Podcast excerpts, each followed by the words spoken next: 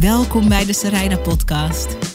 Dit is de podcast voor ondernemers die ready zijn om bedreven verhalenvertellers te worden. Wat moet je van jezelf laten zien, zodat de mensen voor wie jij een verschil kan maken echt snappen wie je bent en wat je kan betekenen voor ze? Dat is waar ik je mee inspireer in deze podcast. Simpele tips, tools, inspiratie en ik zet je aan het werk. Leuk dat je er bent. Hij leerde van zijn Somalische grootvader, die een stamhoofd was, hoe je viral moet gaan op social media. Hij benaderde mij via Instagram, via de DM. En dat deed hij op zo'n goede manier dat ik gewoon meteen wist: met hem moet ik samenwerken. Hij heeft een passie voor communities en heeft een grote droom voor social media. Hij is ook een goede ondernemer. In zijn allereerste jaar draaide hij als ondernemer 150.000 euro omzet. En van wat ik nu van hem weet en wat je van hem gaat zien, dit is pas het begin. En hij heeft ook een gekke tik. Namelijk, als er niemand in de buurt is en hij is bezig met een belangrijk iets, dan stopt hij wel eens met dat belangrijke ding om tegen een denkbeeldig publiek even wat te vertellen. En ik geloof dat dit laatste ook wel eens gênante situaties oplevert, namelijk als iemand je dit ziet of hoort doen. Ja. Oké, daar wil ik meer over weten. Ik heb vandaag een hele bijzondere podcast gast. Ik ben echt heel blij en heel dankbaar dat ik hem aan je mag voorstellen. Gulet Afakame. Yes, nice. Gulet, ik wil duizend dingen aan je vragen. Want ik heb echt het gevoel, en dit is totaal egoïstisch, maar ik heb echt het gevoel dat ik jou ontdekt heb. Is niet zo. Jij hebt jezelf ontdekt. Maar ik heb het gevoel, je bent, ehm, je bent nog niet zo vaak te gast geweest in podcast. Uh, dus ik voel me in die zin wel een klein beetje een ontdekker. Uh, je hebt een fantastisch verhaal. Ik weet zeker dat als je deze podcast kijkt of luistert. en je bent iemand die grote dromen heeft, maar je voelt, oh, ik, ik, ik ervaar beperkingen. of ik denk niet dat het kan. of ik denk niet dat het voor mij is weggelegd. of um, ik, ik, ik, ik moet eerst nog allemaal dingen doen en creëren voordat ik mag beginnen met mijn grote droom. Ja. Luister deze podcast, want Gulet, jouw verhaal, maar ook wie je bent als mens, is zo'n testament van wat er allemaal mogelijk is. Jij kwam hier als tienjarige jongen, als vluchteling ja. uit Somaliland.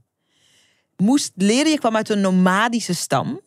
Gaan we het ook over hebben. Je hebt een fantastisch, ja, hoe noem, hoe noem ik dit, wat je om hebt? Ja, ik, uh, de exacte Somalische naam ben ik even kwijt. Um, maar uh, dit wordt een beetje uh, ja, in Somalië gebruikt voor eigenlijk de grootvaders hebben dit ding altijd om. En ik vond het altijd vet, vet eruit zien. De tribesmen. Ja, en toen. De tribal chiefs. Ja, en toen was dus een paar maanden geleden ging ik trouwen. En toen kwam dus mijn tante vanuit Somaliland over. En uh, zei van, ja, wat kan ik voor je meenemen? Toen zei ik, ja, doe maar iets tofs, weet je Iets wat echt Somalisch uitstraalt. En toen nam ze deze mee. Dus ik heb dit uh, met, met, een zwarte pak en dit uh, op mijn wedding geshined. It looks fabulous. Prachtig. Thanks, thanks. Jij kwam toen je tien was hier naartoe, naar Nederland. Komt uit een nomadische stam in ja. Somaliland.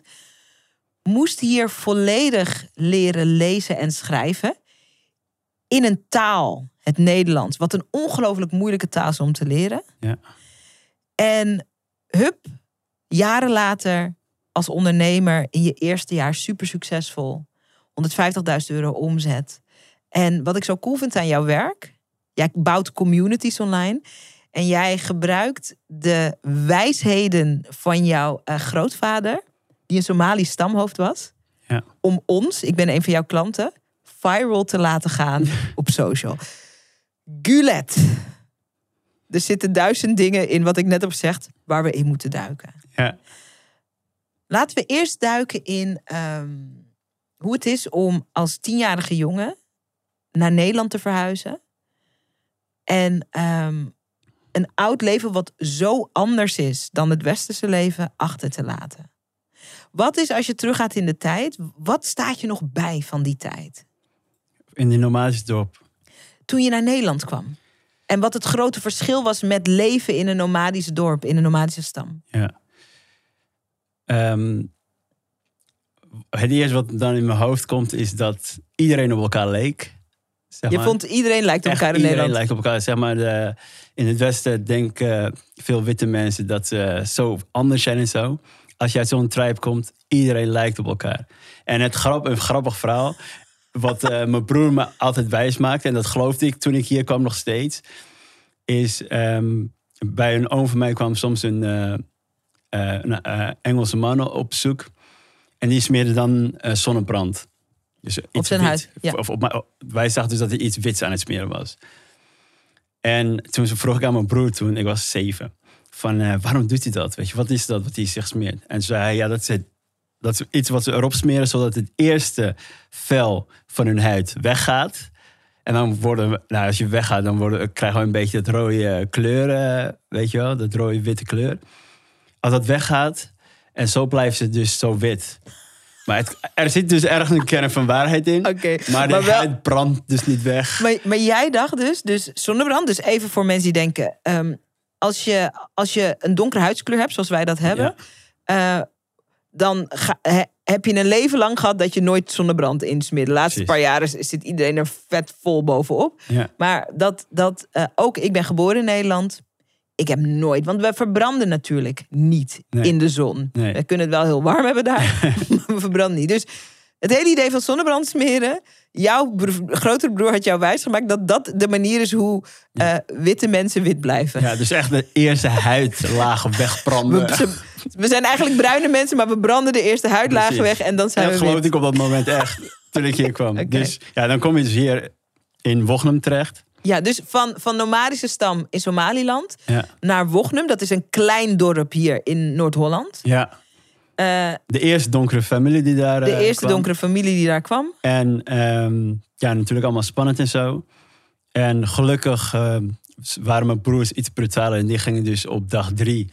gingen ze dus eh, tegenover ons... was een eh, veldje, een voetbalveldje... met blauwe doelen. Noemden we altijd blauwe doeltjes.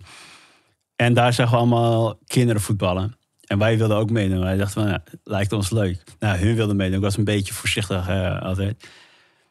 En eh, hun trekken me mee. Dus eh, hun vragen in... Ja, volgens mij kennen ze twee, drie Engelse woorden en handgebaren van... hé, hey, we willen meedoen, mag dat? Ja, gelukkig mochten we meedoen. En eigenlijk op dat veldje hebben we het meest van onze Nederlands geleerd. Oh ja, met die eh, voetballend. En een van de eerste woorden was meedoen.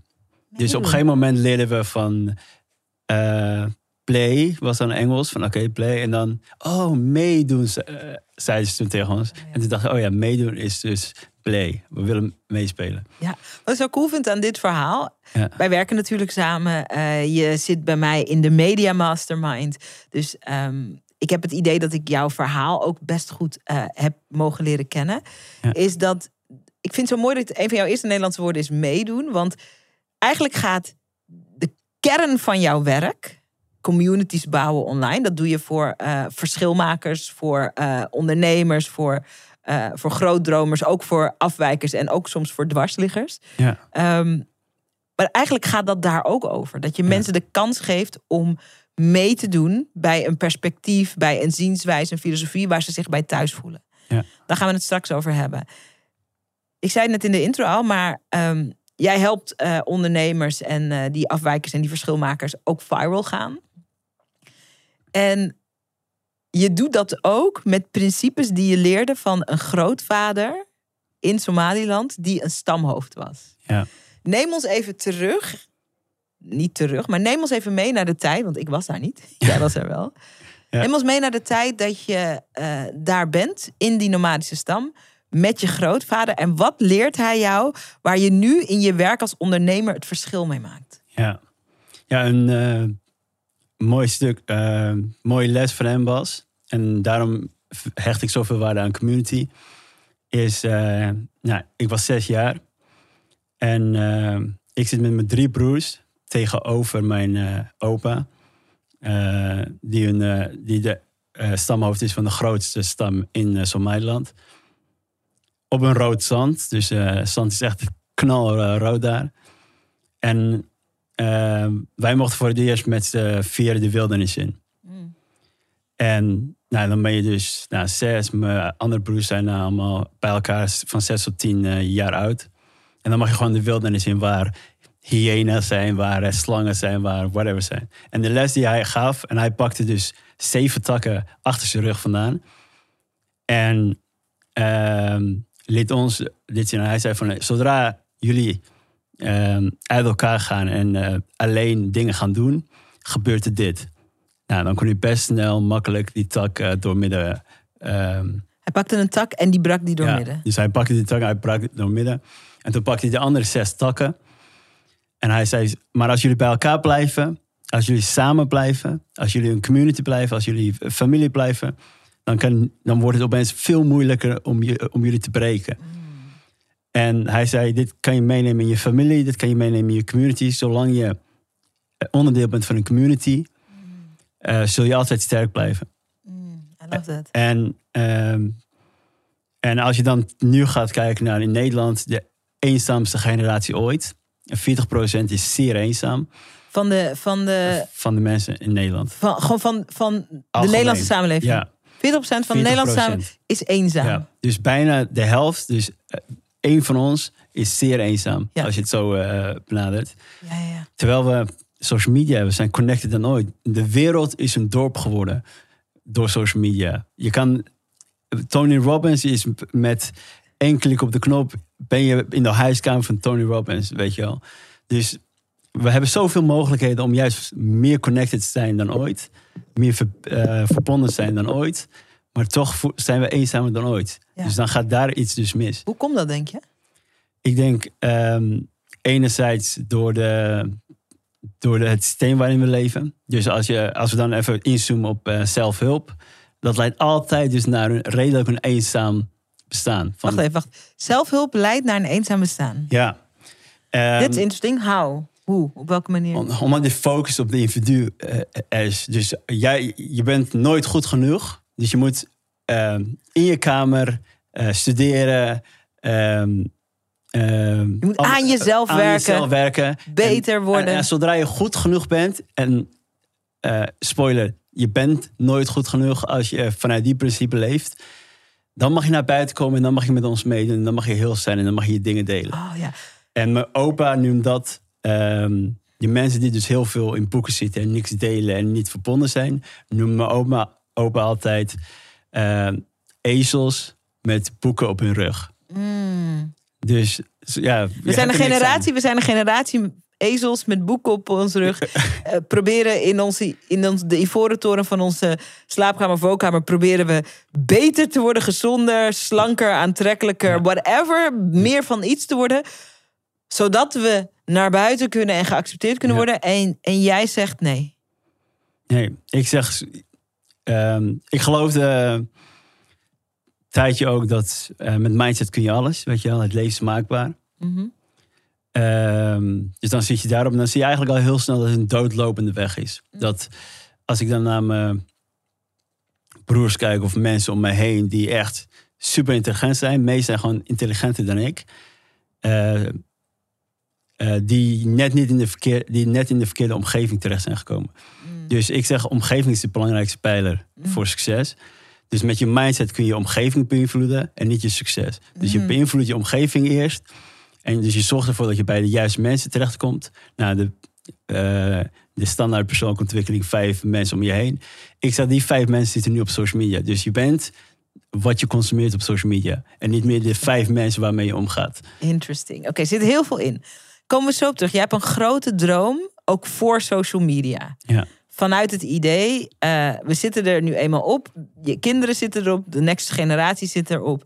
Daar moeten we niet tegen vechten. Er moet iets anders gebeuren, dus daar gaan we het straks over hebben. Je hebt een grote droom voor social media. Ja. Even ook kijkend naar je ondernemerspad. Je bent hier dan gekomen. Je komt hier letterlijk in een compleet andere wereld. Je eerste reactie is: wie zijn al deze mensen? En ze smeren dingen op hun huid. En Ja. daardoor worden ze wit. Ja, Eh, niet alleen moet je de taal leren, maar je moet ook leren lezen en schrijven. Want in de nomadische stam eh, is, het, is het geschrift er niet. Wat, hoe moet ik me dat voorstellen? nee, vanaf een bepaalde leeftijd. Oh ja. Dus ik was, eh, nou ja, enerzijds moet je dat kunnen betalen. Dus nou ja, ik had drie broers voor me die eerst dan naar eh, school gingen. En vooral het eerste wat je leert is dan eh, Arabisch. Oké.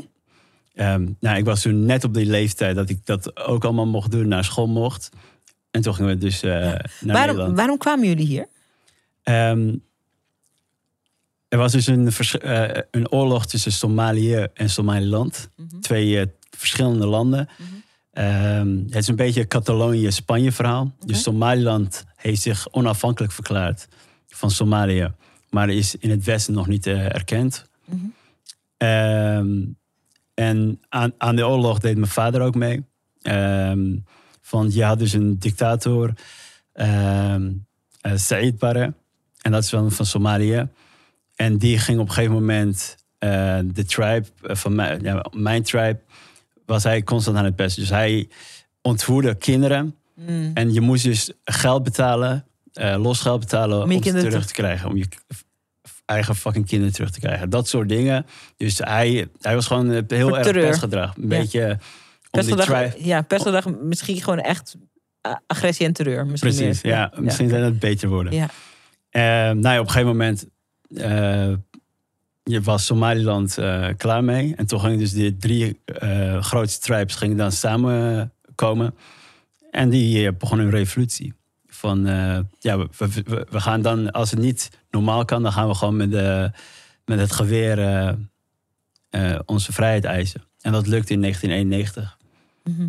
En waar, en waar, dit klinkt heel gek, maar where are you in this story? Dus eh, de- er is een oorlog gaande, Ja, eh, de, er is een revolutie gaande, tribes die samenkomen. ja, Het is bijna als ik zit te luisteren en ik zie het bijna voor me als een soort film. ja. En, en waar is kleine Gulet? En wat maakt dat kleine Gulet hier in Nederland belandt met zijn gezin? Eh, dus in 1991 eindigde de oorlog, zeg maar officieel in theorie. Mhm. Ja, toen was kleine Goulet net geboren, 9 mei eh, 1991. Ja, daar komt dus ook mijn naam vandaan van Goul, Goulet, van Goul Victory, Victor Cool, eigenlijk. cool. En, ehm, maar na, na de oorlog gingen, eh, moest opeens de tribes van Somaliland onderling dingen verdelen en zo. En daar begon ook weer een bepaalde Oh ja, conflict. oh ja, al die tijd samengekomen Precies. tegen een Ja. common enemy en Ja. nu onderling het weer. Precies. Dus eh, toen werd het wel opeens wel weer gevaarlijk. En mijn vader weigerde dus om aan het gevecht mee te doen aan mensen waar hij net eh, Samen mee had samen gestreden. mee heeft gevochten. Mijn moeder komt van de andere tribe ook. Om eh, ja, dat gevecht aan te gaan. Alleen ja, je, je hebt gewoon geen keus. Je wordt gewoon daartoe gedwongen. Dus dan is het ook weer belangrijk om je omgeving te veranderen. En eh, vandaar dat hij dus naar Nederland was gevlucht. Ja, jullie zijn, hij, hij is eerst gevlucht Ja. en daarna zijn jullie achteraan. Ja. Sprong in de toekomst. Jullie komen hier. Eh, je gaat die taal leren. Ehm, daar was je nog niet naar school gegaan, dus hier ga je dan voor het eerst. Het lijkt mij, kijk, ze zeggen van, ze zeggen van de Nederlandse taal dat het, dat het ongeveer, ik weet niet of dat waar is, dat het ongeveer zo moeilijk is om te leren, omdat het heel onlogisch is, daar is met veel uitzonderingen, als bijvoorbeeld Chinees. Ja. Ik kan me niet voorstellen, ik ben geboren in Nederland, ik kan me gewoon niet voorstellen hoe moeilijk dat is. Zeker als je niet komt van ander schrift. Ja. Lijkt me ongelooflijk moeilijk. Echt zoveel respect dat je die code van die taal gekraakt hebt. Oké, fast forward. Gulet inmiddels eh, volwassen. Ja. Ondernemend. Eh, besluit een eigen bedrijf te beginnen. Eerst gewerkt, weet ik. Je hebt eerst bij een aantal bedrijven gewerkt. Eh, besluit dan zijn eigen business te beginnen. Jij benadert mij, ik denk een jaar geleden nu of zo. Ja. Via de DM. voor- Om samen te werken. En ik zeg eigenlijk meteen ja. Context. Ik word elke dag benaderd. En ik zeg op 99% van de mensen die mij benaderen nee. Volmondig nee. Als ik al de moeite neem. Klinkt heel onaardig, maar dat heeft te maken met de manier waarop ik benaderd word. Wat denk je dat maakte? Ik ken jou nog niet. Wat denk je dat het maakte dat ik op basis van jouw DM zei: Yo, laten we wat drinken? En ik had eigenlijk meteen besloten van, oh ja, als, als het niet vreselijk is, dat drankje. Als, het niet, als je niet vreselijk bent live, dan gaan we samenwerken. Had ik eigenlijk meteen bedacht. Hoe denk je dat dat komt? Ik Eh, kende jou helemaal niet. Ja. Ja, ik denk dat je dan even op mijn profiel natuurlijk gaat kijken van wie is deze gast. Ja, heb ik gedaan. Ehm, maar ik denk dat ik gewoon super goed begreep van eh, waar je mee te maken hebt Ja. als ondernemer. Ja. Dus ik was gewoon, ik, ik uh, volg jou een tijdje, dus het was niet dat ik jou net leerde kennen en gelijk benaderde. Ja, dus, je, kwam op, je kwam op een gegeven moment op mijn tijdlijn. En een jaar, een jaar later of een half jaar later benader ik je pas omdat ik ook iets meer over jou wilde leren. Dus wie is deze persoon? Weet je wel, waar staat ze voor? Nou, dat sprak me heel erg aan. Ik uh, tagde ook heel vaak mijn zusjes uh, onder je post. Omdat het echt goed is voor hun om, ja, om een goede spiegel te hebben. Ehm, dus ik kende gewoon al heel veel van je. Ik dacht van, er is zoveel potentie. Ik kan net die, ja, misschien die druppels zijn waardoor ze nog meer mensen kunt, kan helpen. Ja, ik weet, het is supergoed dat je dit zegt en dit is heel belangrijk. En als je zit te kijken of te luisteren, dit is echt een van de Gulet lessen, Gulet lessen, waar je echt wat uit kan halen. Jij benaderde mij, ik word dus elke dag benaderd. De reden dat ik vaak nee zeg is omdat dit is hoe het meestal gaat. Hey Sarayda, lange, de, hey, echt heel leuk. Ik ben die en die en ik doe dit en dit en ik zus en zo en ik vind het leuk om jou een boek toe te sturen. En ik zou het fantastisch vinden als je daar dan een post over kan schrijven. En ik ben ook een ondernemende vrouw en ik weet dat je dat belangrijk vindt. En ik, ik, ik, ik, ik. Zo, zo, zo gaat het doorgaans als iemand je benadert. En wat er dan uh, afstraalt van die pogingen is. Uh, je bent er alleen voor je eigen win. Wat prima is, maar dan is het dus voor mij totaal niet urgent. Want ik word elke dag benaderd. Uh, en dat geldt voor heel veel mensen als je bouwt aan je bedrijf en je bouwt aan je following. En dat is echt bouwen, dat gaat niet vanzelf. Ja. Dan is dat natuurlijk aantrekkelijk. Uh, ik merk ook heel vaak dat mensen zich helemaal niet verdiept hebben. Ik werd laatst ook weer benaderd door iemand die zei van... ja, dan kan ik een keer te gast zijn in je podcast. Ja, die is net, die is net begonnen. En ik ben ook net begonnen met dit. dit. Zei ik, net begonnen? Mm Er wel honderd afleveringen staan er online. Dus je hebt niet eens... Je wil dan te gast zijn in mijn podcast... maar je hebt niet eens de minimale moeite genomen van te googlen over die podcast. Waar gaat die podcast over? Wat voor soort thema's? Want als je dat had gegoogeld, had je gezien... er staan al meer dan 100 afleveringen online. Deze podcast bestaat al jaren. Ja. Dus mensen die doen hun research niet. En mensen benaderen alleen maar van wat zij daar dan uit willen. En dat, en dat verbloemen ze dan met hele vriendelijke taal. Maar daar prik je doorheen. Jij benaderde mij en jij zei: Ik volg je al een tijdje. Uh, ik ben geïnspireerd. Zus, zus, en zo. Je kwam met hele gedegen, heel, heel, heel uh, specifieke voorbeelden. Dus ook van lange geleden. Waardoor ik kon zien en voelen: van, Oh ja, je volgt het echt. En je zei: uh, Ik heb eens nagedacht. Ik werk met een aantal ondernemers samen. Ik kan me voorstellen dat jij ongelooflijk druk bent. Hoe fijn zou het zijn? Je hebt heel veel mooie content. Ik heb uh, een idee voor hoe we die content kunnen inzetten op je social media. Ik zou je dit en dit en dit en dit en dit en dit uit handen nemen. Het zou jouw business dit en dit en dit en dit opleveren. Het zou het merk dit en dit en dit op. Dus het was een kant-en-klaar cadeau van hoe je eigenlijk mijn leven makkelijker zou maken.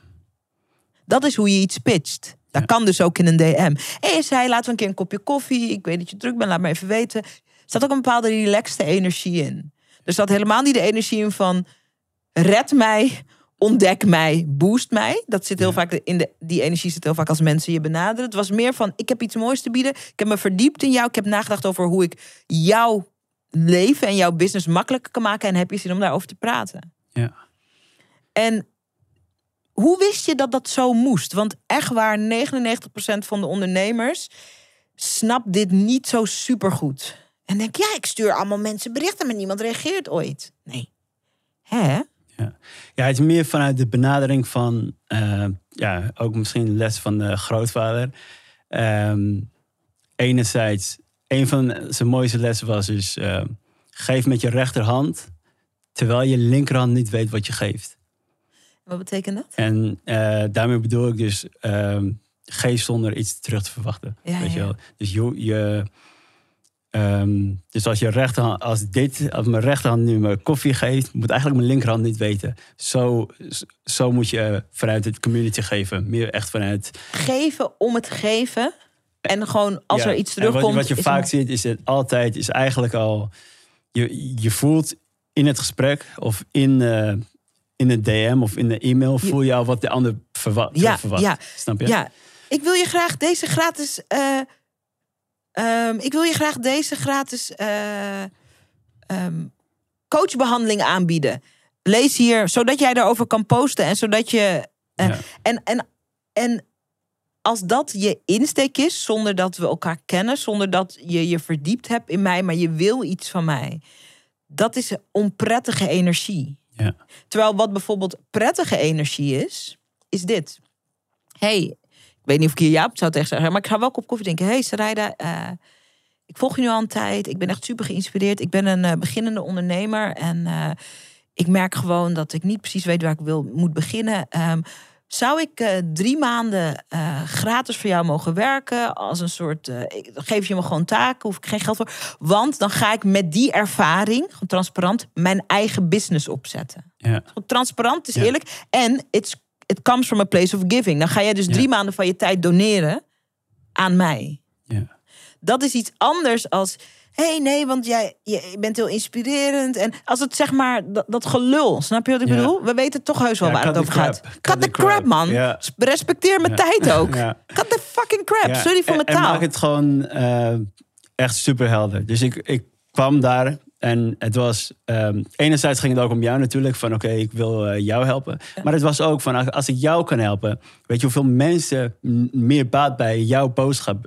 Boodschappen... Wat Ja, jij de bigger brengen picture kwam je mee. Dus stel je voor als ik jou eh, nog meer eh, op een podium kan zetten... door veel eh, te ontzorgen... maar ook door eh, aan nog meer mensen... dat je nog meer mensen bereikt... Ja, man. ja, dan Win-win. precies. Dan eh, kun je misschien ook no- nog meer van mijn zusjes bereiken die denken van hé, hey, als zwarte vrouw kan ik ook ondernemen Ja. of zo. Ja, die helderheid, die, die helderheid, die eerlijkheid, die, die, die energy van waaruit het kwam. Wat kan ik echt voor je doen? En natuurlijk, I'm trying to make a business out of it. Ja. Die helderheid was zo aantrekkelijk. Het is ook diezelfde helderheid. Zo heb ik ook mijn allereerste baan bij de tv. Heb ik eh, ook gecreëerd. Ja. Ik las in een artikel dat een, eh, een directeur van MTV, MTV heeft verschillende zenders, dat een directeur van een MTV-zender, eh, die wilde nieuwe programmering maken voor jongeren uit de stad. Ik dacht, ik was toen 22, ik dacht, wow, ik ben zo'n jongere uit de stad, ik zou daar wel willen werken. Ik, toen ging ik ook, en ik weet niet, dat moet denk ik ook een beetje inzitten, maar je kan het ook ontwikkelen. Ik dacht, waar zou zo'n vrouw nou echt blij mee zijn? En toen dacht ik, hoe cool zou het zijn? Ik ben 22. Als ik gewoon de straat op ga, ik ga met jongeren uit de stad spreken over wat ze eventueel zouden willen zien op een nieuwe MTV-zender. Dat ik dat bundel, dat ik daar thema's van maak en dat ik dat aanbied. Ja. En het was ook echt mijn intentie om het gewoon aan te bieden. Ik ging dat doen, ik had haar gemaild. Directeuren hebben het fucking druk.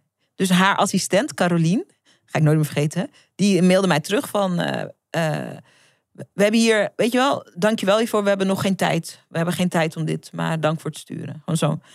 En toen heb ik een periode lang elke maandag gebeld. Super ontspannen. Hey Carolien, ze rijden weer. Ik kan me voorstellen dat jullie mega druk hebben, maar ik denk dat er echt een aantal interessante dingen in het, eh, in het, in het eh, onderzoek staan. Ik zeg, ik werk eigenlijk al voor jullie. Ik heb mezelf al aangenomen. Dus ik maak er ook een beetje een lol van. Ook niet Ja. zo van, zie mij, anders ga ik dood. Maar ik maak er Ja. ook een beetje lol van. Ik zeg, eh, ik kan me voorstellen dat het heel druk heeft. Als ze heel even tien minuten heeft, dan kom ik alleen een plan toelichten. Waarom ik bepaalde dingen heb gevraagd. en op- Eh, Ik heb twee maanden lang elke maandag gebeld. Op een gegeven moment zei ze, nou, kom maar langs. Toen kreeg ik 15 minuten met die directeur. Het eerste wat die directeur zei, was een vrouw, ze heette Dorine Baas. Het eerste wat ze tegen me zei is, eh, je weet toch dat de meeste dingen die in dit plan staan shit zijn. Zei je dat? ja, ja. Maar, maar, maar op een, vond ik Ja, toch ja, op een leuke manier. Maar- En toen zei ik van, eh, eh, nou ja, ik weet ook eigenlijk niet precies hoe je marktresearch doet. Ik zeg, maar ik ben zelf de straat op gegaan. En ik ben zelf gaan vragen aan jouw doelgroep. Want daar heb je denk ik geen tijd voor. Dus ik zeg, hey, plus ik ben ook jouw doelgroep. Ik lijk dus ook op jouw doelgroep. Wat we nodig hebben. Ik zeg, en ik zou je ogen en oren kunnen zijn. Ik weet niet precies hoe je research doet. Maar eh, misschien kan ik dat leren. Laat me weten hoe ik dat moet leren. Maar ik zou je oren en je ogen kunnen zijn. Ik zeg, en ik denk dat het voor jou misschien ook heel interessant zijn. Ik was 22. hè. Ja. Eh, om, om echt de doelgroep op de redactie te hebben werken. Ja, dan heb je haar. Ja, ze zei. Ze, ik werd meteen, ik had een functie. Ik werd meteen aangenomen. Ik kreeg meteen een telefoon van de zaak. Meteen een out van de zaak. Ik dacht dat iedereen dat kreeg bij de tv. Nou, is niet zo. Ik had geen functie om te. En ze zei: Je gaat gewoon alles doen wat ik zeg. Ja. Ik heb alles gedaan wat ze zei. kabels gesleept bij het team. Dus het was ook niet glamorous. Ja. Het tv-stuk voor de schermen kwam later pas. Maar het ging erom van, ik was echt in het avontuur van, wat kan ik doen voor deze mensen? En in ruil daarvoor ga ik een vet tof tv-avontuur aan. Het was niet zo van, eh, jullie moeten mij ontdekken zodat ik een tv-ster kan worden, zodat ik op een bank kan worden toegewuifd met zo'n palmtak en dat iemand mij druiven voert terwijl ik beroemd word. Snap je wat ik bedoel? Ja. En dat, dat is eigenlijk ook die tribe-mentaliteit. dat ergens Totally. toch een beetje in jou zit. Van ehm, wat kan ik voor een ander doen? Om het leuker en beter Ja, te precies. maken. Om het- en wat dan- mijzelf ook tof Ja. lijkt. En heel veel mensen, zeg maar, en zo werkt een tribe dat eh, jij denkt om anderen, maar anderen denken ook om jou dan. Ja. Dus ik eh, weet dat ik nooit alleen ben. En er wordt ook altijd voor me gezorgd als er iets mis zou gaan. Ik heb een family om me heen, ik heb een bepaalde community om me heen. Zelfs de plaatselijke voetbalclub stuurt me eh, cadeaus als ik trouw of eh, als ik een keer eh, een been breek of dat soort dingen. Die Ja. gemeenschap, dat, dat verliezen we nu een beetje. Van niemand voetbalt meer bij de plaatselijke club of niemand gaat de plaatselijke gemeenschap verdwijnt toch ook een beetje Ja, ja. meer en meer. Ja, ja. En juist die gemeenschap zorgt ervoor dat jij nooit eenzaam voelt, verbonden voelt. Ja. Weet je, ik zou, terwijl we dit zitten te bespreken, realiseer ik me ook. Om, om in een gemeenschap te kunnen zijn en om te kunnen geven en te kunnen ontvangen. Ontvangen is ook een megathema voor Ja. mensen. Geven is Ja. een thema, ontvangen. Ja. Moet je ook vertrouwen hebben in het gegeven van een gemeenschap. In het gegeven van een community. In het gegeven van als ik het niet weet, weet iemand anders het. In het gegeven van als ik val, word ik ook opgevangen. Als je nu kijkt naar de generatie, en dan komen we misschien ook bij de droom die jij hebt voor social media. Je hebt een, een droom voor social media waarvan ik heb die nog nooit zo geformuleerd ge- gehoord. En ik dacht, yo, dit zou vet zijn. Ja. Denk je dat mensen nog genoeg vertrouwen hebben om onderdeel te zijn van een community op dit moment? Of is dat Ja. iets wat we weer moeten leren? Nee, we, eh, eh, we zitten eigenlijk in een van de beste situ- situaties om een community te kunnen kiezen. Vroeger was je gewoon overgelaten aan, de community. vijf, vijf mensen die in je dorp woonden. Weet je wel? Ja, ja, ja. En Of de vijf mensen in je gezin of in je familie. Ja. En nu kan je gewoon kiezen. Nu kan je gewoon kiezen. Online bedoel je? Online, ja. En eh, dat kan dus door, eh, dat kan dus in een andere stad. eh, is je tribe eh, eh, oude mannen die altijd eh, golven of eh, weet ik veel, eh, noem maar op. Of een paar gothics die bij elkaar eh, zijn. Die elkaar kunnen vinden. Dat jij de enige gothic bent en eenzaam bent. En dat, er, dat je realiseert dat er eh, aan de overkant in Horen eh meerdere, eh, meerdere gothics zijn. Of gothic gemeenschap is of zo. Hmm. Ehm, dus je kan, je, het is makkelijker dan ooit om gewoon je tribe te vinden. En die vertrouwen, het is niet zo dat er geen vertrouwen meer is, maar Mhm. mensen hebben daardoor een bepaalde, ehm, ja, bepaalde standaard of zo. Van, oh, ik wil met hun chillen, maar van deze mensen zijn niet boeiend. Terwijl, Dus het gaat meer over je moet openstaan. Gaat Ja. het daarover? ja, precies. En, en ook gewoon meer het, eh, kijk, als je, ik ben niet bevriend met iedereen in Wochenum. Nee. Ehm, Woon je er nog? Nee, ik woon nu in. Het dorpje Oké. ernaast. Ik Oké, ben, ja. Ja. na tien jaar Amsterdam ging ik weer terugverhuizen. Om Naar het dorp. Grappig. Naar, naar Hoorn dan. Ja. Omdat ik toch tussenin wilde blijven. Ja, ik wilde ik- wel nog dicht bij mijn ouders blijven wonen. ja, ik ben opgegroeid eh, in, eh, in Horen van Ja. 7 tot 17. Ja. Ja, Hoorn represent. ik vind het interessant dat je terug bent verhuisd daar naartoe uit Amsterdam. Ja. Maar eh, En dus het interessante van tribes, Ja. vind ik... en misschien geeft dat antwoord op je vraag, is... eh, dus ik ben niet bevriend met iedereen uit Wochnum. mhm. Maar als ik in, eh, in Amsterdam ben en iemand komt uit Wochnum...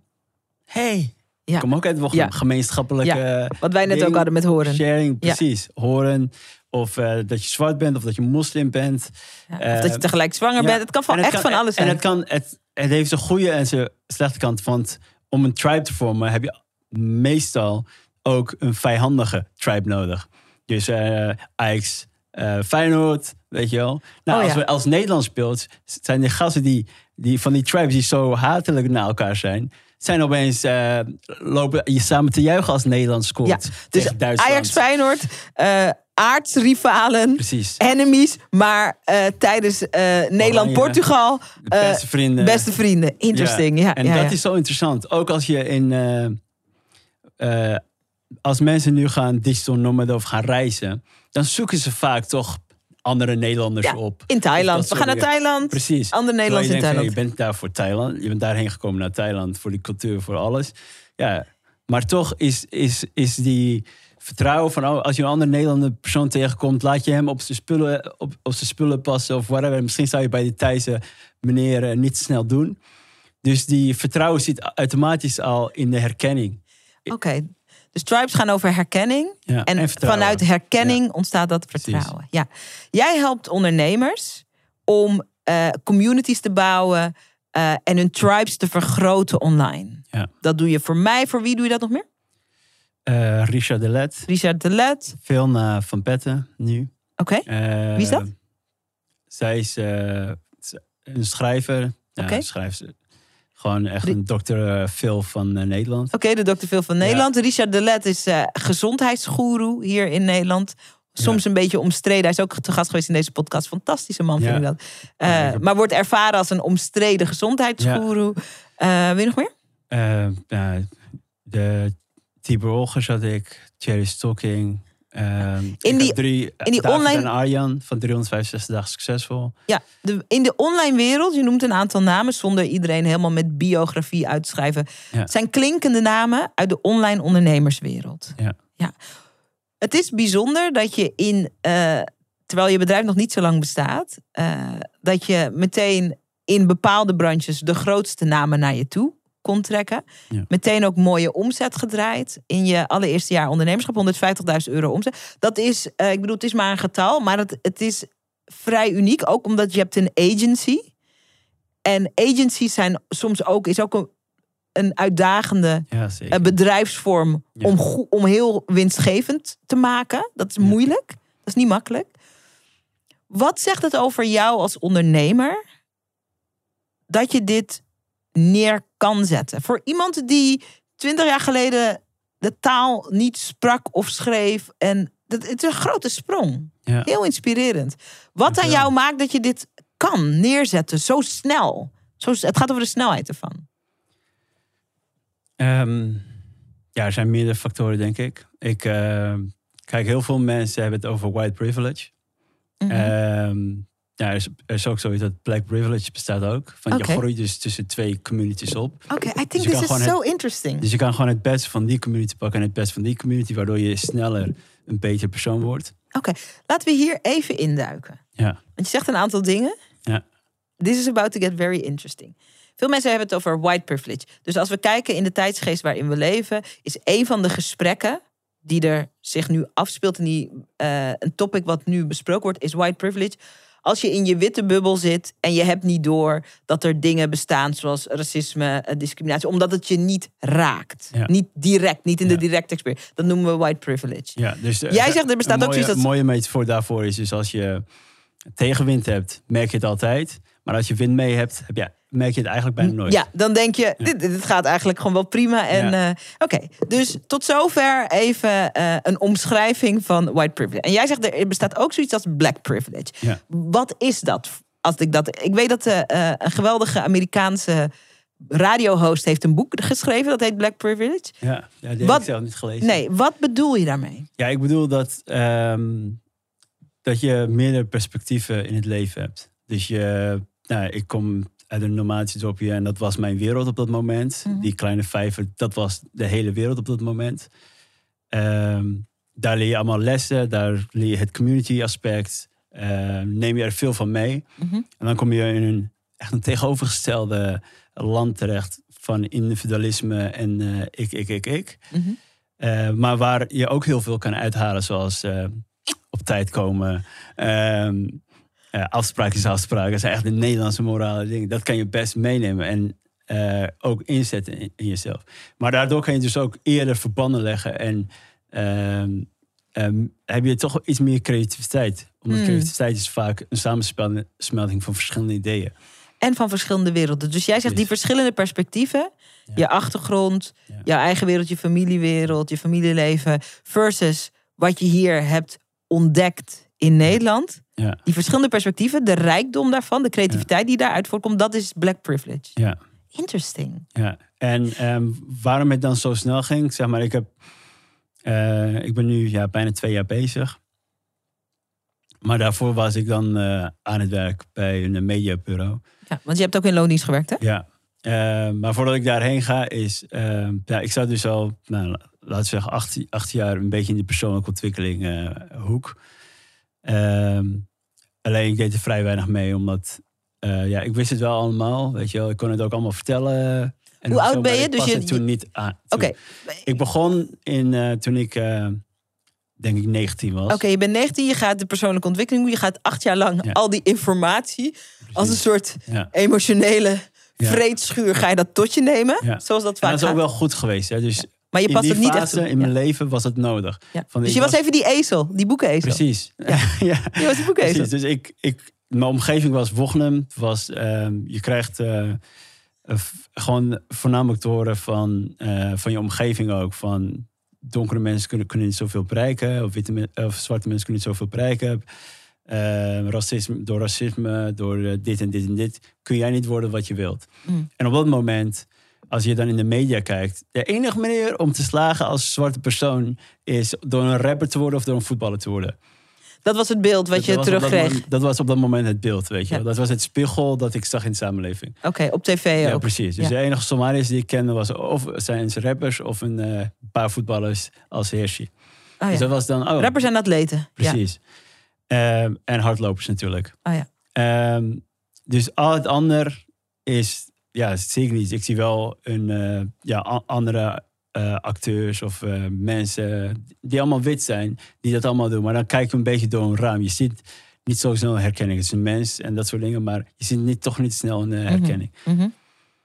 Ehm, en daardoor, ehm, ja, daardoor zit je toch in een bepaalde, creëer mentaal een bepaalde glazen plafond voor jezelf. Mm. Van, oh, ik kan bepaalde dingen niet worden, van dat is niet voor mij weggelegd. Mhm. En toen kwam ik dit verhaal tegen ehm, in Sri Lanka. Ehm, als een eh, olifant nog een babytje is, Mhm. ehm, binden ze hem vast aan een boom door een redelijk dun touwtje aan zijn enkel, Mhm. Om zijn pootje heen, om zeg zijn maar. pootje heen. Eh, en dan probeert te ontsnappen natuurlijk. Van hij wil spelen, hij wil dit doen. Maar dat kan hij niet, omdat het touwtje op dat moment sterk genoeg is om eh, aan zijn poot vast te blijven eh, houden. Mhm. Twintig jaar later zie je hetzelfde touwtje, hetzelfde dun touwtje om de eh, poot van die eh, olifant. Dus het mentale aspect, dus de olifant gelooft op dat moment, ik kan dat touwtje niet eh, losbreken. Dus die, die olifant is nu volwassen. Ja, Ze doen hetzelfde touwtje. Hetzelfde eigenlijk. touwtje. Hetzelfde. Inmiddels is de realiteit zodat als die olifant poeh, Ja, even zijn, zijn pootje zou bewegen, Ja. dan breekt dat natuurlijk meteen. Hartstikke sterk. Maar omdat het zo geconditioneerd is als van toen hij klein was, dit touwtje is, houdt jou gevangen, Ja, probeert de olifant niet eens. De volwassen olifant niet eens. Oké. Want hij is misschien niet fysiek, is, zou dit vrij kunnen zijn, maar mentaal is hij, dus mentaal is niet mentaal is hij gevangen. Ja, ja. En hetzelfde principe zie je bij mensen terug. En dat was bij mij dus ook op dat moment het geval. Dat ik dus die touwtje om mijn enkel heb van... eh, door racisme zou je bepaalde dingen niet Ja. kunnen Ik bereiken. ben hier als vluchteling gekomen, ik ben zwart, er is veel racisme, discriminatie. Er zijn eigenlijk heel veel... Ik heb best veel goede excuses of goede redenen... Mhm. om niet eh, succesvol te, te worden of dat soort dingen. Of je droom ja, Of na te droom jagen. na te jagen. Ja, ja. Ehm, en op een gegeven moment eh, ja, kwam ik in een moment waarvan ik dacht van ja, maar wat als eh, iedereen in mijn tribe valt? Dus iedereen ook weet of whatever, iedereen wil mij laten slagen. Dus elke eh meetingroom dat ik binnenkom, iedereen is voor mij aan het juichen. Iedereen wil dat ik aan het slagen ben. Een beetje een abundance mindset. Ehm, en Dat is een beslissing die je maakt. precies. Ik ga vanaf nu dat Ja. zo zien. ja, Ik ga dit gewoon. Ja, en het is, eh, je moet dat is oefenen. Je kan Ja. het echt oefenen. Ja, Dus op een gegeven moment, iedereen die je ziet, die je, waar je normaal dacht van, oké, ik heb een bepaalde vooroordeel over jou en jij wilt mij niet laten slagen, of doordat ik zwart ben, eh, geef jij mij nu deze kans niet? Dat kwam veel minder voor. Dus ik was daar niet op gefocust. Ik was vooral, dan ga je meer kansen zien. Ja, ja, Dan, ga je, ja, dan, dan is je energie opener. Ja. Van als je in je hoofd denkt van, hey, Ja. omdat ik zwart ben, kan ik dus bepaalde dingen niet bereiken. Ja. dan ga je hetzelfde energie eh, in het universum of in, eh, eh, ja, Breng je in de wereld. Precies. En dat, dat houdt je dan gevangen. Maar toen, toen dat losging bij mij, toen ik dat besloot. En ik besloot om te gaan ondernemen. Ja, toen ging het stromen. Toen had ik echt binnen eh, mijn eerste week had ik eh, Richard en Tibor. De grootste op het gebied van gezondheid. En de andere is op het gebied van business coach. Ehm, en van daaruit wi- wist ik van oké, ik moet gewoon zoveel mogelijk waarde voor hun leveren. En dan komt de rest eh, vanzelf. Dus, Er zit zoveel, Gulet. Kijk, wij werken natuurlijk ook samen. Ja. Jouw bureau, wij zijn een klant bij jouw bureau. Hè? Je werkt voor onze business, je helpt Ja. ons. Er zit zoveel in wat je net hebt gedeeld. Ik ga er een paar dingen uithalen. En ik vind het extra fijn dat wij zijn twee zwarte mensen die dit gesprek hebben. Ja. Dat vind ik Ja. fijn. Omdat wat ik herken, laat ik daar beginnen. Wat ik herken is dit. Eh, mijn vader die is overleden in 2014. Mijn vader was eh, een hele gekke, eh, hele slimme, hele ook eigenzinnige man. Hij kwam naar Nederland om natuur en schei en wiskunde te studeren. Hij heeft ook al die diploma's gehaald. Hij heeft er wel een tijdje over gedaan, want hij vond het studentenleven heel leuk. Ze hebben er wel een jaartje of tien over gedaan. Maar hij heeft echt zo had een, een universitaire eh, een, een bul in, eh, zijn, in natuurkunde, scheikunde, wiskunde. Ja. En mijn vader was echt een gekke professor.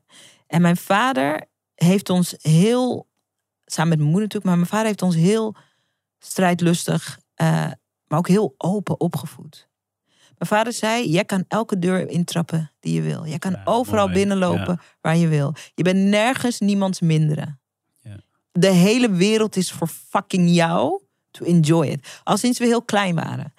En ik geloof zeker dat jij als eh, vluchteling uit Somaliland, wat die terecht kwam in een dorp, jij hebt vast veel racisme en discriminatie meegemaakt. Ja, ja. Valt mee. Oké. Valt mee. Ik heb, Ja, maar ik vind het meevallen. Heel veel mensen zouden denken van, oh, maar ja, als je, ja, waarschijnlijk heb ik ook veel gewoon gekozen om niet te zien. Oké. Boeit me niet Ja, zoveel. of misschien, Ja. misschien ook wel sommige dingen weggestopt. Ja. Dat gaat er niet om. Ik weet, ik heb ook eh, een deel van mijn leven in een klein wit dorp gewerkt. En dat was super racistisch. Ik heb ook in de media gewerkt, daar is ook racisme. Dus ik wil even van tafel halen die soms vermoeiende discussie van is het er nou wel of is het er niet? I don't want to talk. Het is er. Ja. Het is er. Ja. En, en daarom vind ik het leuk dat we dit gesprek hebben. En, even though it's true, wat doen wij ermee? Wat doen wij ermee? Wat doen we met dat touwtje aan je poot? Ja. Komen we op een gegeven moment op een punt dat we zeggen: fuck it, I declare myself. Ik, ver, ik, ik bepaal nu dat I'm welcome in every room. Dat ik overal van toegevoegde waarde kan zijn. Ja. En ga ik dat uitbouwen? Dat wie ik ben, precies zoals ik ben, doet ertoe? Of mensen dat nu al kunnen zien bij aankomst of niet? Er zit zo'n kracht in die beslissing maken. Niet omdat je wegkijkt dan. Ja.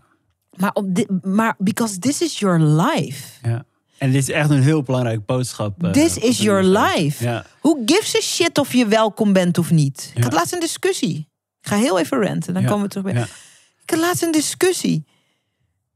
Ik had laatst een discussie en met een leuke vrouw, ook een donkere vrouw, een ondernemer, die zei ja en eh, maar ik ga bewijzen dat ik anders ben dan hoe zij mij zien. Ik zeg first of all, je weet helemaal niet hoe iemand jou ziet. Zelfs als iemand iets heel beledigends tegen jou zegt, you don't know. Ja.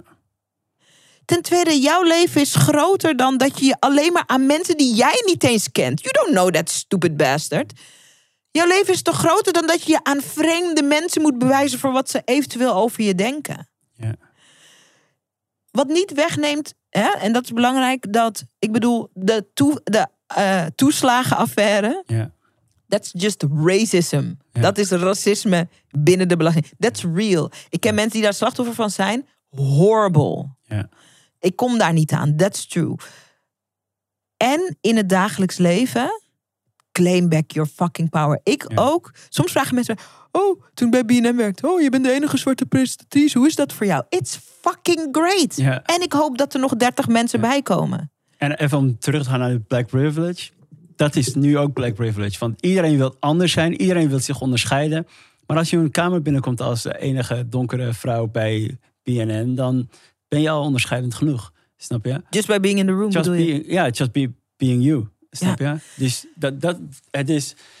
En het is altijd een redelijk van de, de boodschap die we eigenlijk aan willen geven... is vooral voor de eh, zwarte mensen.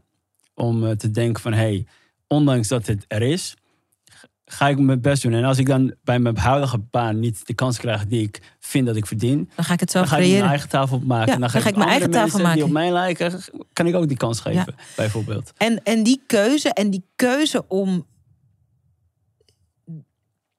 Wat mensen van je vinden, dat vinden ze van je. Als mensen je willen benadelen, dan doen ze dat. Soms Ja. weet je dat ze dat doen, soms weet je niet dat ze dat doen.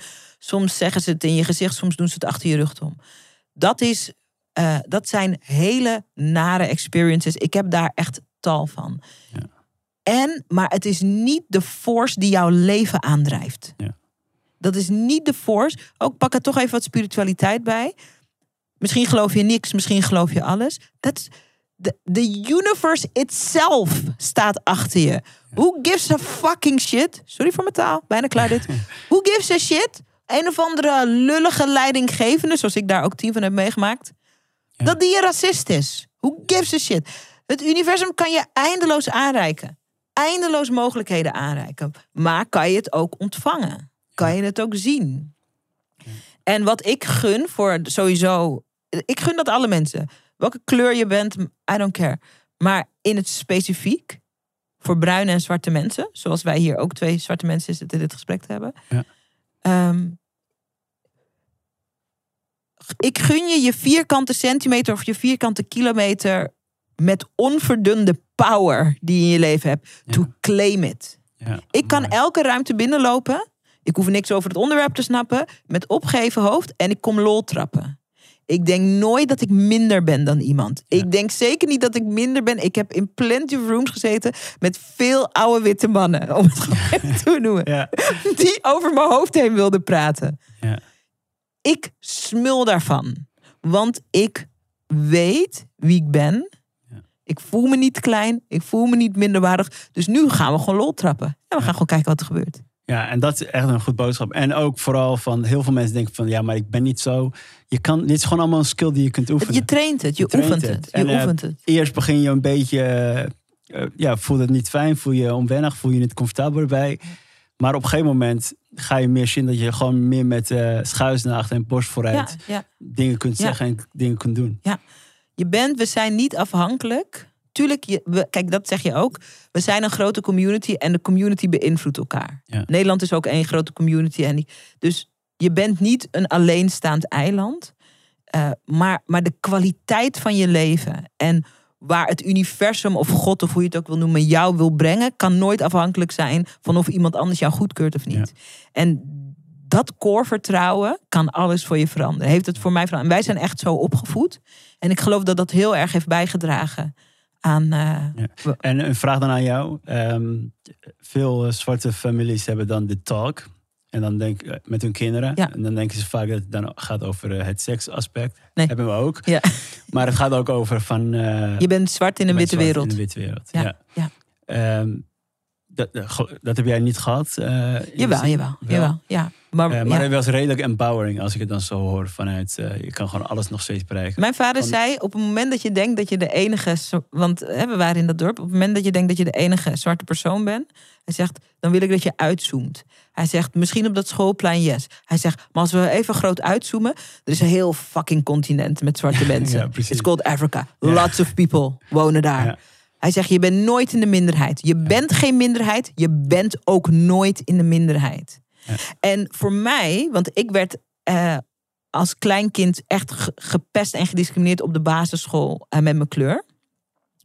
Ehm, ik, ik, ik deed dat dan in mijn hoofd. Dan zoomde ik. Ik zei het ook. Ja, je hebt raar haar en je huid is raar en lijkt alsof je in de poep bent gevallen. En zei ik, wist je dat er een continent was? Gewoon kennis. Ja, ja. Wist je dat er een continent was? En dan had mijn vader gezegd, ik weet niet eens meer het getal. 160 miljoen. Ik weet niet wat het getal was. Meer dan dat hoor. Maar... En dat er 160 miljoen mensen zijn die er precies zo uitzien. Hoeveel mensen zijn er die er zo uitzien als jij? Nou, we waren vijf of zo. Echt hardcore. En dan stonden die kinderen ook met hun grote ogen te knipperen. Zeg dat weet je niet hè. Dus ik was ook... Mijn karakter is ook zo. En je moet ook... Dat... Dus wij werden echt gewapend met kennis. Met dingen die we konden zeggen. Mijn vader zei tegen ons, als mensen zeiden tegen ons... wat een rare huidskleur hebben jullie. Dan zei mijn vader van... eh, dan moet je je hand uitsteken en dan zeg je... eh, aan de buitenkant van mijn hand heb ik mijn eigen huidskleur. Maar aan de binnenkant van mijn hand heb ik jouw huidskleur. Dus ik heb twee huidskleuren. Hoeveel huidskleuren heb jij? Ja. En dan stonden die kinderen weer met mond vol Ja, tanden. precies. Ja, maar dat, dat is echt dat is de juiste manier van talk. Maar je hebt dus ook 80% van de talks gaat over. Je kan niks meer bereiken. Je, je moet opletten. Het is niet jouw wereld. eh, je Ja, bent ja. een minderheid. Ja, bla bla ja. bla. Ze gaan je die kans niet geven. En ehm, als, je, als je iemand dat aangeeft, dan is de zelfwaarde van je kind gaat daardoor omlaag. En Terwijl kijk, je- ouders doen het om je bij te vallen. eh, want misschien zit je te luisteren en denk je, waarom zouden ouders dat gesprek doen? Ouders doen het omdat ze hun kinderen willen beschermen en af willen schermen voor teleurstelling. En als je ook gelooft van. Want die generaties voor ons, nou ja, daar kan je vader denk ik meer over vertellen. En mijn vader heeft ook, die hebben hele nare dingen meegemaakt Ja. op het gebied van racisme. En dus er is een generatie geweest die heeft gedacht, ik wil mijn kinderen dat niet aandoen. Dus ik ga ze op voorhand behoeden. Maar de, de prijs die je betaalt is dat je je kinderen ook afleert om grootste dromen. Precies, En, ja. en dat heb je nodig. Dat vuur van dat grootste dromen. Om je, om je, om je, om je, om je mooie leven in de wereld te zetten. Ja, en ja, als we die talk dan nog, nog beter zouden kunnen doen, dan empower je de generatie ja. na ons ook nog beter. Ja. En dat is ook waar jij social media, om toch weer een bruggetje terug te maken naar je werk, dat is waar jij social media ook voor wil inzetten. Jij zegt, we krijgen onze kinderen en deze generatie en de generaties, we, we, we krijgen ons niet van social media af. Ja. Dus, wat wil jij voor social media? Ja, dus we krijgen ze niet vanaf. Zelfs als je dan als ouder na gaat denken, hoeveel uur zit jij erop? Kijk even naar je schermtijd. Eh, is het, eh, is het eh, die één uur die je aangeeft of is het toch vier, vijf uurtjes, weet je wel? Ja. nou, gemiddeld is dat drieënhalf uur. Ja. Nou, kinderen zitten er wel langer op. Maar halen, ze zitten ook langer op, omdat ze daar veel plezier uit halen. Mm. Alleen het belangrijke is van wat consumeren ze. Dus je krijgt ze niet van social media af. Mhm. Maar we kunnen met z'n allen wel beïnvloeden wat ze te zien krijgen. Mm. En, ehm, ja, en als dat eh, inspirerende, betekenisvolle, voedende content is. Bijvoorbeeld in China krijgen kinderen allemaal eh, rekenen. Leren ze allemaal dingen. Niet zozeer rekenen, dat is een saai voorbeeld. Maar ze leren op allerlei manieren hoe je touwtjes vastknoopt. Hoe je dat soort dingen doet. Echt skills. Ja, echt, eh, echt life skills gewoon. Dat je nodig hebt. Ehm, en ja, als we dat... ehm, als we in Nederland er veel meer daar gebruik van maken... eh, Dat, het echt als, dat je het als platform pakt om, om om een die beter gene- mens te worden. Hmm, interesting. Ja, Ja. en dat, dat, kan, dat is eigenlijk makkelijker dan ooit gedaan. En er zijn ook heel veel goede voorbeelden. Hè? Mhm. Ehm, op YouTube is, de, is een YouTube-kanaal echt superleuk. That How Do I? Mm. En dat is een, van een man, eh, Robert Kenny, als ik eh, Rob Kenny, als ik het uit mijn hoofd eh, heb. En die heeft, op zijn twaalf had hij geen vader meer. Dus die moest al die dingen die je vader leert, lamp ophangen, touw vastknopen. Die, die soort jongens dingen. die dingen. mannen dingen. Ja. Die, die heeft dus nooit meegekregen en moest hij zelf leren Ja. en springen. Ik zeg, nu- je, ja, ik zeg jongens, mannen dingen, want ik, zie, ik voel mensen alweer op achter. Ja, Ja, precies. een vrouw. Ja. Maar ik denk, wat ik eruit begrijp is, zo de, de, de, de, ik zou bijna zeggen, de rituelen die een vader aan een zoon leert. Precies.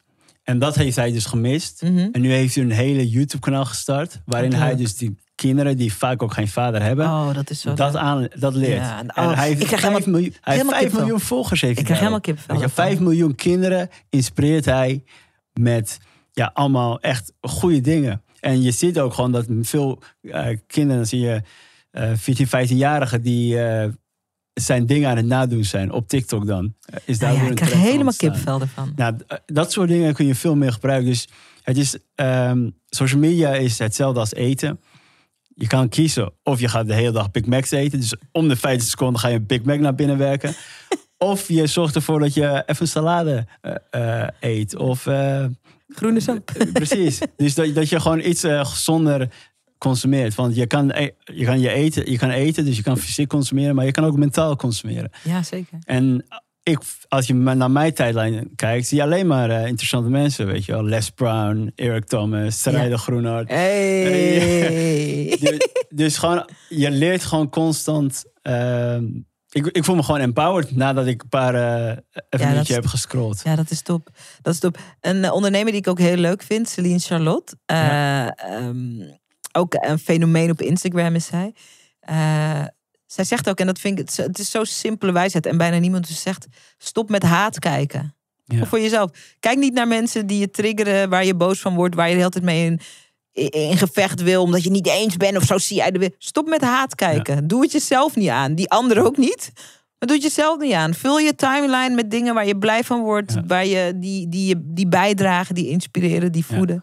En pas op voor echo chambers, zoals ik ze noem.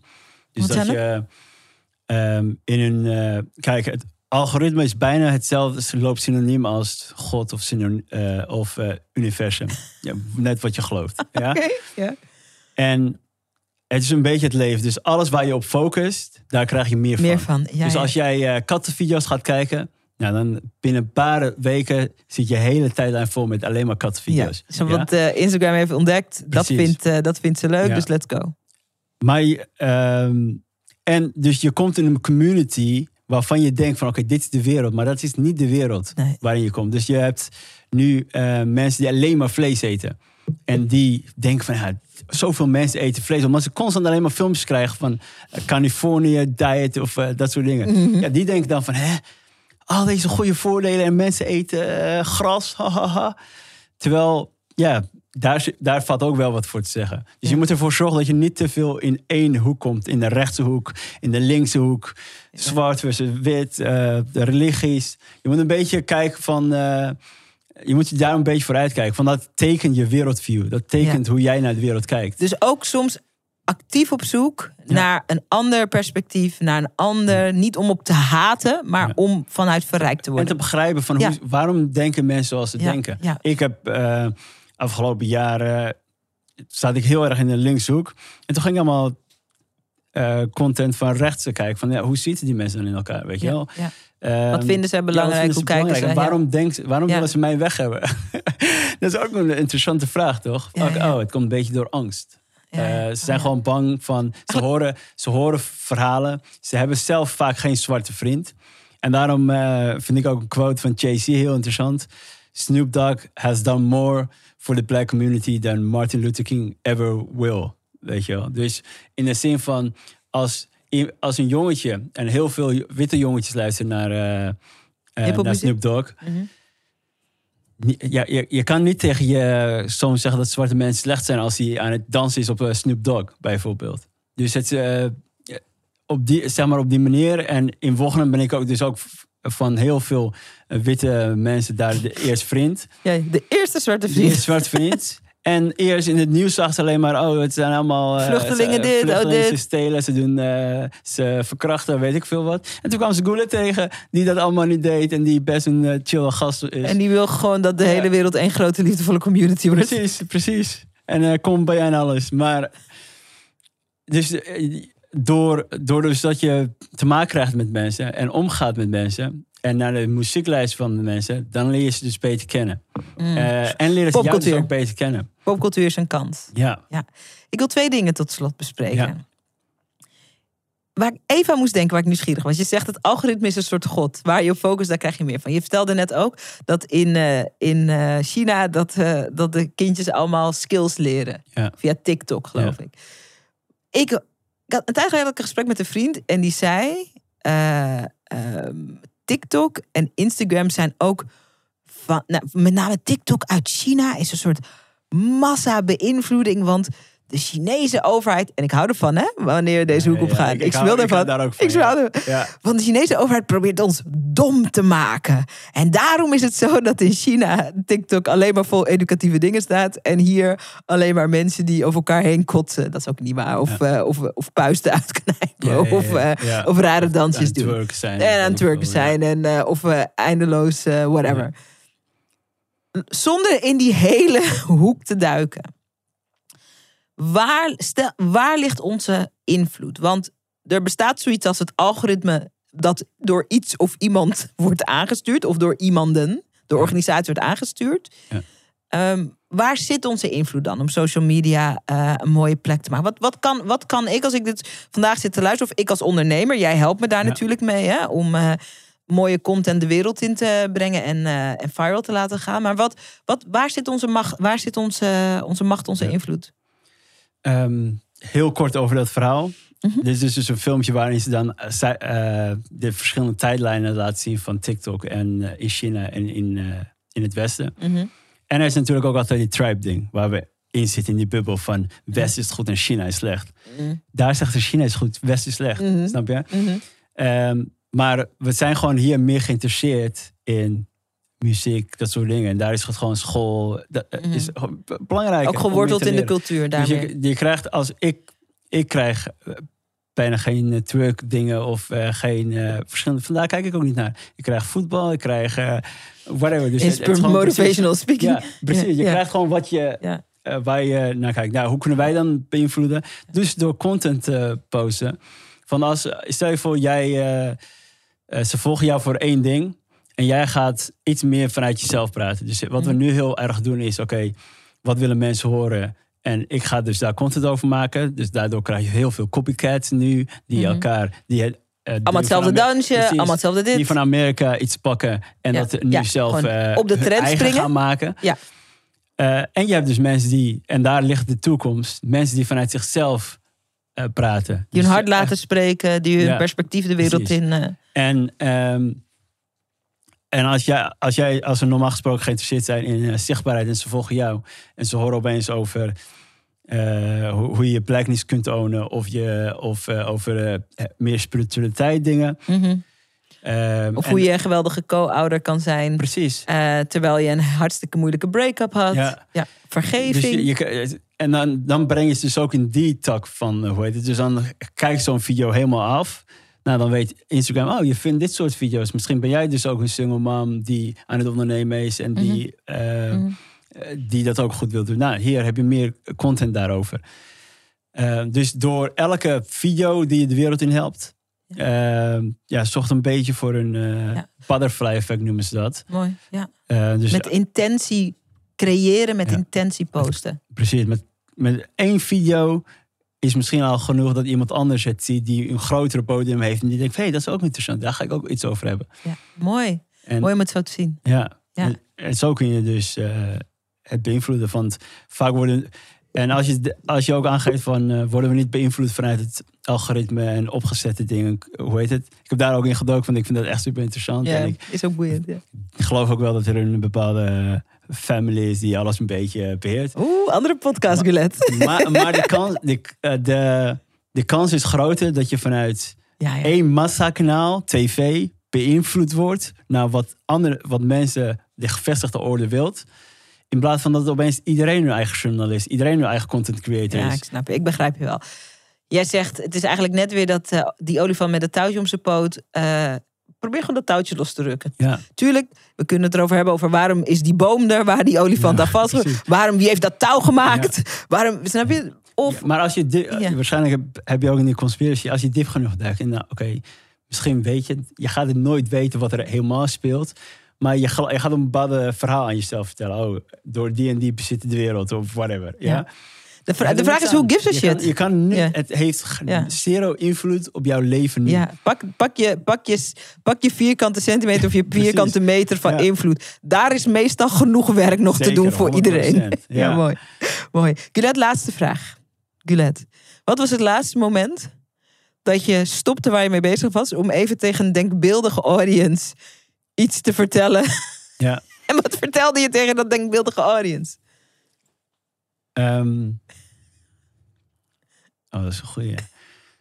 en ik denk beeldige audience. is- Ik ben, eh, ik kruip op dat moment in mijn eh, stamhoofd eh, vibes. Oh, dan ben je... Oh, dan ben En dan praat je... ik zeg maar tribe van Oh, je ancestors en weet ik veel wat. Oh, wat goed. Dan ben je even stamhoofd Gulet. Ja. Je weet dat ik jou sowieso het stamhoofd van social media noem. Dat is mijn bijnaam voor jou. Ik hoop dat die bijnaam, zeg maar, ik- ik- ik viral. je moet hem gewoon claimen. Je moet er echt waar claimen, ja. claimen. Claim de URL, alles. Ja, ik heb ook helemaal dit meegenomen. Social vandaag, media stamhoofd. Ja, man. It's a Ehm, brand. We love it. Dat je iets. eh, ik weet dat, want ik doe dat. Kijk, ik, ik zit nu jou heel erg te plagen, maar eh, ik, ik heb, en dat, ik vind het super triest dat ik dit gewoon eerlijk ga toegeven, maar het is Top, waar. We like that. Als ik, als ik een jongen echt leuk vind, wanneer ik een jongen echt leuk vind, ik weet dat ik hem echt leuk vind, als ik, als ik afdwaal in de fantasie dat wij ergens samen geïnterviewd worden voor een of ander programma wat niet bestaat, waar we vertellen over onze relatie, die ik dan vaak nog niet heb, want dan vind ik iemand nog leuk en dan is het nog helemaal geen relatie. En dan zie ik mezelf vertellen van, nou ja, ik weet nog dat toen we elkaar ontmoeten en dan kijken we zo naar elkaar. Je kent toch van die programma's Ja, Ja, precies. ja, dus soms zit ik wel eens gewoon in mijn hoofd. Zo, worden we, word ik wel eens geïnterviewd met iemand waar ik eh, verliefd op ben of die ik leuk vind. Dan worden we geïnterviewd over onze relatie. Dat is mijn versie ervan. Dus dan zitten we tegen een denkbeeldige camera. Zijn we aan het vertellen van, nou ja, maar, ja, en jij was toen heel gek aan het doen. Nou ja, maar jij had natuurlijk weer niet door dat ik jou leuk... Dus, dus dat is mijn versie ervan. Ja. Wat Nee, is- ik, heb, ik heb een eentje kwam bij mij naar voren en dat is, ehm, ik liep eh, in Horen op dat eh, Rode Steen, dat pleintje. Ja, dat is dat uitgaansplein daar. Ja. Ja. En ehm, ik zag gewoon mensen lopen. Dus ik ging op een gegeven moment op zo'n eh, bank zitten. En toen ging ik bijna verhaal vertellend over die personen. Dus eh, dan loop je een persoon, dan heb je een bepaald oordeel over altijd. Van, eh dit is een persoon die, die is waarschijnlijk... die zit op Second Love waarschijnlijk. En dan ga je allemaal gewoon, verhalen verzinnen over En dat doe je gewoon hardop vertellen. Ja. En ik weet je, en daarom zei ik ook, soms word je gewoon gepakt. Terwijl je gewoon op zo'n bankje aan het zien is, dit is... eh Je bent de narrator. Dus whatever, precies. de narrator van die... En- van en het is best interessant. Je moet echt gewoon een keer gewoon op zo'n pleintje zitten. En dan moet je gewoon naar mensen kijken. En dan moet je gewoon eh, hun levenverhaal invullen of whatever. En soms loop ik ook naar die persoon toe. En dan zit ik er compleet naast. Eh, Dan praat ik Je moment- confronteert mensen ook nog met je verhaaltje. Nee, ik zeg van, nee, ik eh, breng het wel heel tactisch of zo. Oh, ja. Dus dan ga ik gewoon vra- vragen stellen die een beetje leiden naar wat voor persoon zit je op Second. Love? En soms zit ik er wel echt eh, straight. Maar ja, dan kan je het vaak ook een beetje aan de kleren zien in wat voor community ze willen horen. Ja, ja. Oh, het Eh, is een soort, het is een soort field research. Precies. Ah. Ehm, maar ik heb, ik heb dus ook dat ik dat aan het doen was. En iemand liep echt zo langs. En normaal gesproken doen mensen of je, of je niet zagen omdat je hem gek bent of zo, weet je wel. Maar deze persoon bleef me gewoon lachen aankijken van ik heb je gepakt of zo. Dat is gênant. ja, precies. Terwijl je over diegene aan het praten was hardop. Dat is- Ja, en dat is- normaal, normaal doen me- willen mensen dus jou niet embarrassen. Dus dan gaan ze het doen of, het, of ze het niet zagen. Maar deze gast persoon was bleef gewoon eh, zo ready om, jou, aan, weet je wel. ready om je te confronteren met... Ik heb jou gezien, gast. Ja, hij zou het. Hij saw Ja. it. En Hij- Ik, zou- ik zou soms ook ehm, dat ik aan het praten ben en dat iemand binnenkomt en me echt zo aankijkt. En dan zeg ik, ja, ik was net aan- tegen mezelf aan het praten. Ja, it's exactly what it looks like. Oké. Voor de mensen die nu nog niet zijn afgeschrikt... En dat zijn er vast heel veel. Ja, top. Eh, waar kunnen we jou volgen online? En hoe, want ik kan me ook voorstellen dat mensen naar aanleiding van dit mooie gesprek denken. Ik zou dus met eh Gulet in gesprek willen om te kijken of hij iets voor mij kan betekenen vanuit zijn business ook. Wij Ja. hebben ook een community die we willen uitbouwen. We willen ook meer viraal gaan, ook meer volgers, meer mensen positief beïnvloeden met eh, de boodschap die we de wereld in brengen. Ja. Hoe, hoe en waar? Instagram. Gewoon slide in DM, Instagram. En Gulet Afakama. Ik weet niet of er show notes komt of... eh, Ja, je naam staat erbij. Maar toch even, Gu- Gulet schrijf je G-U-L dubbel Ja. E-D. Dus je schrijft Guleet. Ja. En je achternaam moet je even zelf. Afakama. A-F. Ja? H-A-K-A-M-E. Perfect. Ja, en dan gewoon Op elkaar. Instagram. Of anders 51.nl. En dat is met eh, F-I-F-T-I in plaats van Grieks I. En dan one in de zin van gewonnen, dus W-O-N. 51.nl. Ja. Dat is jouw bedrijf. Ja. Wat een feest dat je hier was. Wat een feest om een van de eerste mensen te zijn. Ja, vond ik ook. Om jou echt te interviewen. Je hebt zo'n bijzonder verhaal. Ik Ja. ben je fan, ik ben je cheerleader, ik ben ook je klant. Ja. Maar eh, je gaat grote dingen doen. verhaal, verhaal eruit halen. Van dit is eh, inspiratie van jou, hè? Je was bij de Media Mastermind. Dus ik had, Je wilde je eigenlijk verschuilen achter al je kennis over Precies, social media. Ik zei. Gulet, kom achter die kennis en dat bedrijf vandaan en share your story. En toen Ja. bleek het gewoon En een het filmverhaal te dus het zijn. is zo vanzelfsprekend. Want ik zeg dit constant tegen mijn klanten. Ik maar weet het. dan zelf niet. Ik weet het. Wel. Van niemand is geïnteresseerd in de kennis en whatever. En je ziet ook, de mensen die de meest kennis hebben op social media... hebben niet per se de meest following. Nee, omdat zijn je hebt te connect. zichzelf willen laten zien. Ja, Meer, ja, hoe meer je van jezelf durft te laten zien met een les erin... ja. Hoe meer- eh, hoe beter mensen aan je Kunnen, verbinden. An- kunnen an- verbinden. Anders word je een sugar daddy van eh, content. Ja. Dan, oh ja, dan kom ik voor jou bij kennis, weet je wel. ja, en, eh, maar dan ontstaat die verbinding niet. Precies. Dankjewel. Ik vond het echt een fantastisch mooi gesprek. En als je zoiets hebt van... eh, ik wil meer weten, ga Gulet volgen. Stel dat je net als Gulet ook soms worstelt met... maar wat moet ik dan meer van mezelf laten zien? Hoe werkt dat dan? Wat zijn dan de verhalen die ik moet vertellen? Ik heb een fantastisch, heel praktisch e-book geschreven. Die is helemaal gratis. Waarin ik je vertel welke vijf verhalen je als ondernemer in elk geval kan beginnen te vertellen. Voor meer bereik, meer verbinding en dus ook meer fijne klanten, meer omzet. Dat gratis e-book met de video die ik erbij maakte, want ik, ja, hallo, ik heb natuurlijk wel een video bij gemaakt, kan je vinden op gratisvideotraining.nl. Gratisvideotraining.nl. Ga het doen, dan ontdek ik je ook online. Ja. En wie weet zit je dan eh, in de toekomst ook wel eh, hier eh, als gast in de podcast. You never know. You never know. Dankjewel, Strijda. Jij dan. Super tof dat je hebt geluisterd naar de podcast. Dankjewel. Hey, en als je een mooi inzicht hebt of iets wat je even met me wilt delen naar aanleiding van de podcast, check me op Instagram. Ik heet daar Sarayda Groenhart. En laat even een berichtje achter met wat je uit deze podcast hebt gehaald. Ik vind het altijd leuk om met je te connecten. Zie ik je daar?